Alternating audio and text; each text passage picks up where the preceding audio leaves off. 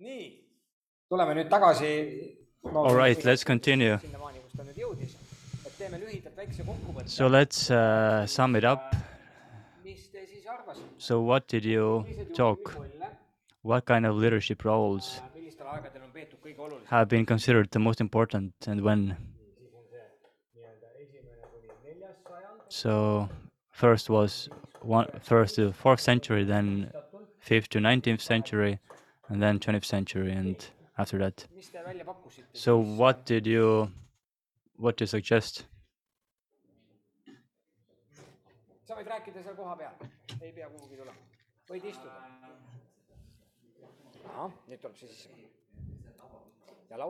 ja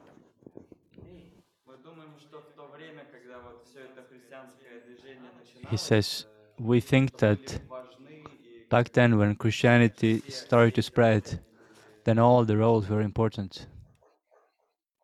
All the roles were important in the beginning, in the first stage.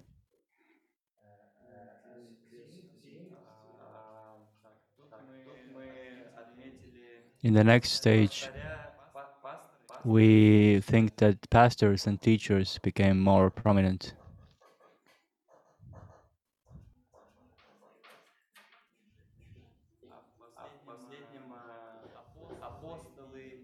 The last one,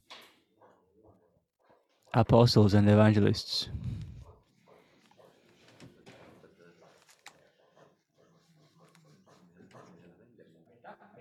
Thank you. hmm Let me ask this. Is there somebody who wants to change this or add something here? What they said in other groups?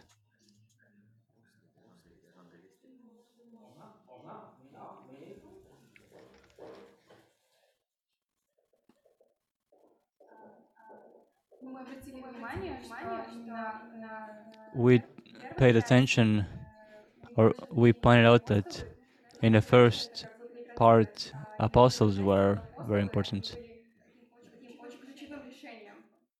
They were key people and also evangelists likewise who evangelized others. They had to evangelize in order to you know win converts now we cannot call people as apostles anymore so there are different roles today. Good. Somebody else? Idea? So the and the second question in contemporary post-secular society, which leadership roles are most important?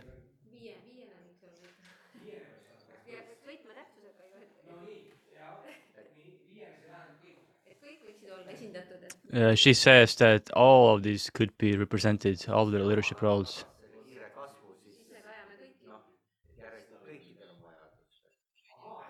Because we're like back in the beginning, so to speak. We need, if we need, Herki says, if we need fast growth, then we need to use all these roles, but we're not there. She asked, what do we, okay. She asked, who is an apostle today?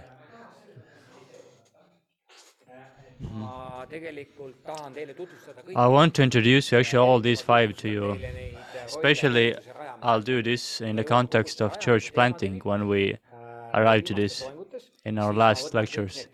Then I will analyze all of those and I'll show you these. Uh, I mean, I, I talk about this in the church planting context, so I'm not gonna talk about this. It'll come in the future. nii , käsi . ole koha peal , sa ei pea kuhugi tulema . Почему люди так боятся слова апостол? Ну вот, Why people are afraid of the word apostle?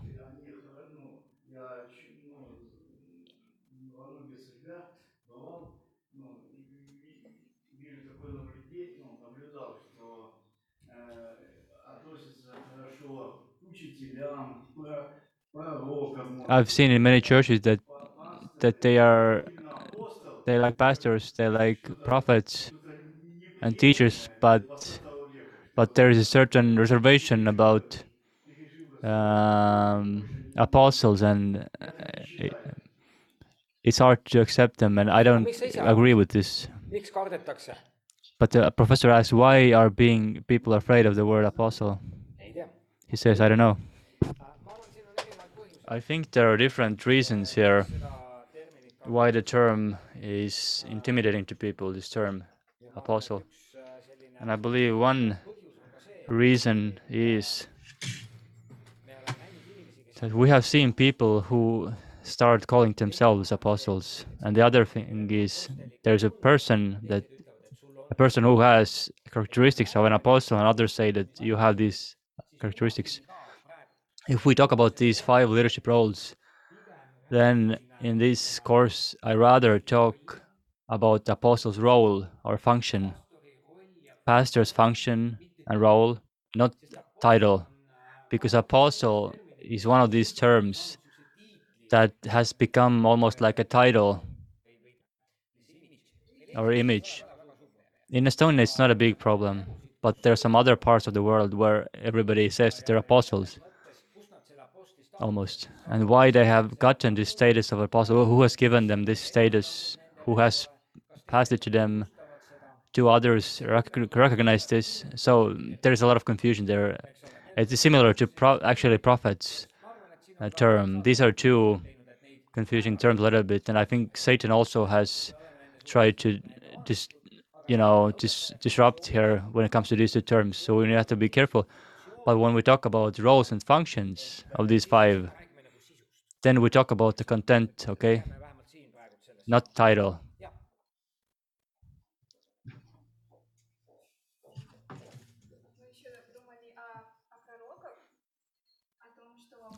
We talked about prophets. Prophets are important in all three stages, but especially in medieval ages. We don't see a lot of prophets in this era in church history. It it seems like God didn't speak as much to people for prophets, or I don't know why. But we we we noticed that there weren't as many prophets in that time, and also about our contemporary time. I want to add that today it feels like that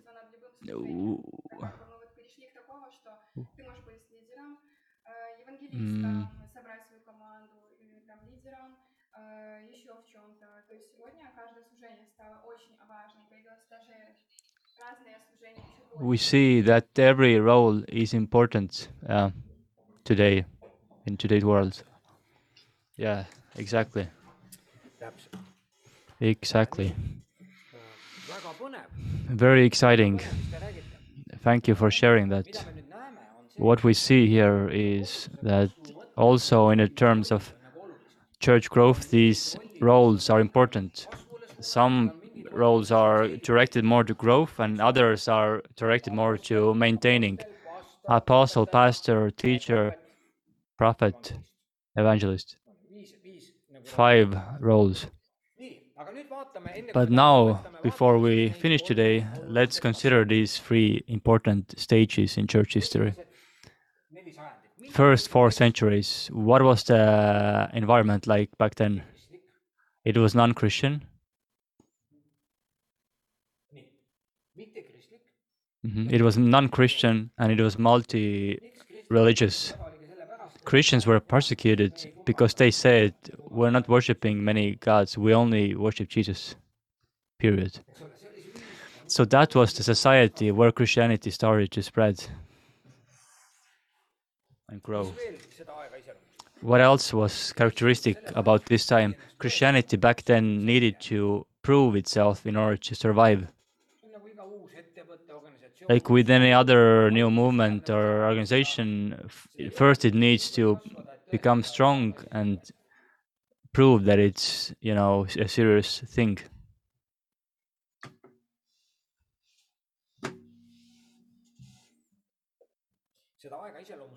This time also was characterized by a big persecution of Christians. Christians were persecuted a lot during that period. Also back then churches didn't have their buildings. They were a minority, total minority, and they need to survive. Jesus gave them a chance to go to the ends of the earth. But we don't see much conditions for that in the beginning. So they didn't have their own buildings even. Also, it was characteristic in that period that still New Testament canon was set or you know confirmed, and they worded main dogmas. What do we believe? There were big, you know, arguments about this, discussions, debates, and also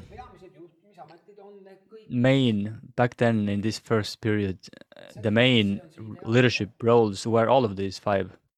That was the ideal. That's the ideal: apostles, prophets, evangelists, pastors, and teachers. In the New Testament, nowhere in the New Testament there is, um, you know, uh, in, that only one group leads, but everywhere in the New Testament we see Presbyterian, uh, Presbyterianism, Presbyteros, plural. So not one person uh, guided uh, or led the church, but there were elders, plural. So these roles became evident and they had to cooperate in order to survive. So nowhere in New Testament one person, you know, leads the congregation. There are always elders, plural, number of people. Yes, we know that apostles had a um, key role. People who, person who has apostles calling, they are going, taking new territories. They're taking the evangel, eva- the gospel to new places where it has never been before. So the, yes, apostles had li- like key role in this sense. And back then, of course, Christianity was expanding powerfully. And Apostle Paul is the key person in the book of Acts, of course.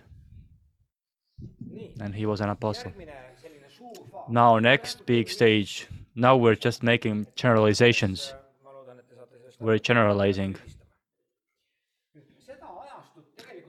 The next era was characterized by a term such as Christendom. Christendom, or with other words, Christian society.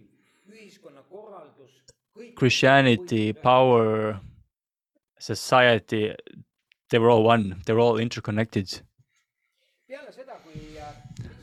After Christianity became the state religion, then leaders of the congregations they needed to, to start dealing with questions such as violence, like how much violence is tolerated, can Christians be in war, etc. They had it. Now they need. Now they had to begin taking stances on these questions. And then, when up to this point Christians had been persecuted, now the reaction of Christians toward other religions was that head down. When church had been persecuted up to this point, then church started to persecute others and uh, call them heretics. So what does it say? It says that if church is connected to the power, then automatically it has another role in the society. Here we have pagans, Muslims, in brackets, uh, crusades. They were waging war with other religions in crusades. So, in other words, church started to use violence in order to spread the gospel or to defend the gospel, whatever. I mean, we say here. This is the stage in church history that we're not very proud of uh, in our church history. What else uh, characterized that era? A person's uh, life from birth up to death was un- were under church control, meaning that when a person is being born, then he was baptized right away, then he became member of the church right away as an infant. person doesn't have his own choice. And when he then he you know marries in the church and then dies and church buries him. And if he doesn't die in a way the church accepts, then he was buried somewhere else, not in churchyard. So all the events in person's life were connected to church, and people could not choose whether they want to be Christians or not, but they were born into this. So that was characteristic of this time. ka inimeste kasvatus Now, people's upbringing, ed- education, schools, they were all also under church control. Uh, we know church has done a lot in this mis puudutab haridusandmeid this area, like in education. need olid kirikukoolid. And these were church schools, so all the education basically happened through church. ja nüüd just nimelt, nagu me ennem mainisime, And as I we said earlier, we talked about crusades, then faith, also fanatic faith, didn't even, you know, back off to grab power and to defend or, you know, the power with a sword. So faith, fanatism, power, and sword. Paul says very clearly that ruler has been given power and sword to uh, punish the evil. Then, so power and Christianity, combined creates these things, and uh, a result of this, we ask, was this the best way to do it? I don't want to start giving estimations here, but I'm just trying to describe what what this time looked like. And we also talk about church growth and leadership roles, and we need to keep this in mind. And these people who are interested in the content of faith, in the inner dedication, devotion, these people left from public life. They went to um, monasteries or to deserts or to orders, and that's where spiritual life continued. You know, piety life continued, but in monasteries and orders, and uh, you know, outside of society. ennem oli küsimus, et noh, et see prohvet Earlier there was a question about prophets' role. Were there prophets back then? Yeah, I believe actually there were a lot of prophetic people, but they were more so in the desert or in a monastery or away from the society and lived and worked in uh, separately. But main um, leadership roles during that time were pastors and teachers. And because back then they didn't need evangelists because people were born into this religion and they were Christians, so to speak, their whole life. They didn't need to be evangelized, but they had to be taught and taken care of. So pastors taught all this work. They served people, they wedded people, they, you know, created the service, so to speak, to people that they needed uh, during their life. And teachers, dogmatics, they taught the main principles of faith. So these were the two main roles that were in the forefront during this period.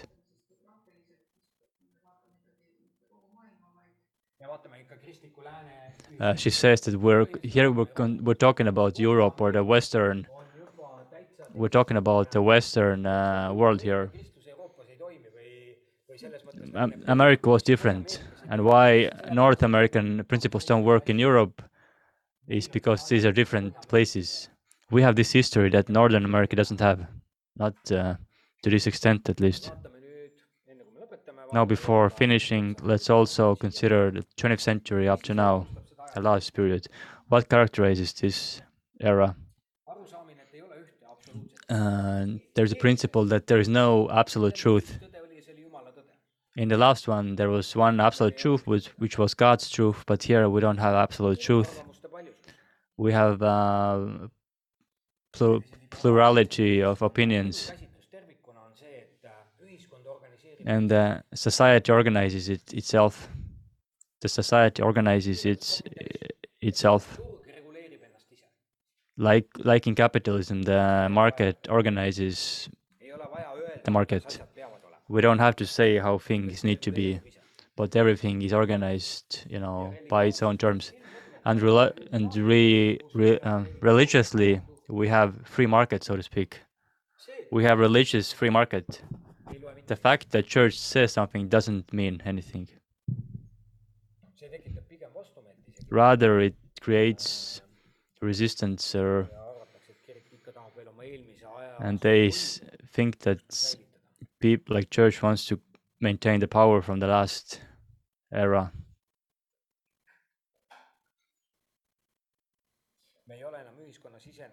Church and congregations are not um, taken for granted in the society and the church is back in early church the similar context such as the early church but with the exception that we have the baggage of 15 centuries that the apostles in the first centuries didn't have.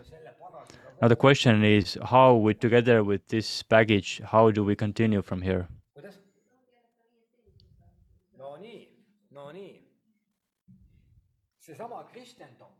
The same christendom that we just talked about which was the center of the christian world now has become the land of mission. This is a the big change in paradigm paradigms. we are land of mission. I mean, biggest like fastest growing congregations or churches in estonia uh, in europe right now are migrant churches. This is reality where we are and the main leadership I, i argue that main leadership roles that we need today in this situation are evangelists and apostles again. Not that we don't need others but we need more than anything else visions and solutions and new uh, innovative um, approaches. And these come with evangelists and apostles. Pastor is a maintainer teacher is also a maintainer. Um, aga me vajame selliseid conservator but we need people and we need people with the characteristics of evangelists and apostles who help us to think outside of the box and come up with new solutions. Of course, we need all of them. No question about this. We need all five. But these two are a type of people who actually make our life a bit inconvenient. Later, we talk about this more. These are people who shake the foundations and it's inconvenient and often we don't want it, but we need it let's see what else do we have here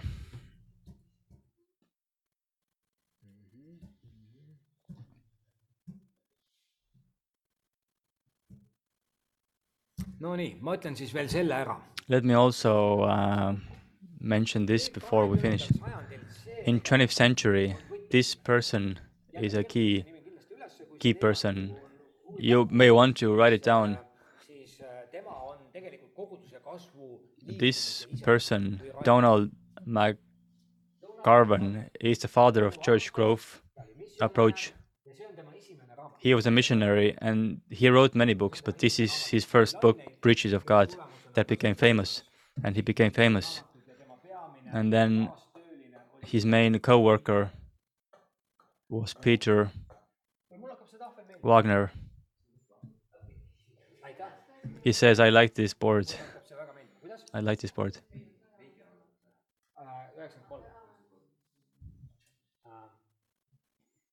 so he was a missionary in india donald McGavran. And he says what he's according to him what are the obstacles of church growth? He says the obstacle is if mission is not in focus. He went as far as to say that we only need to share the gospel and that that's all we need to do. So i disagree with this but let it be.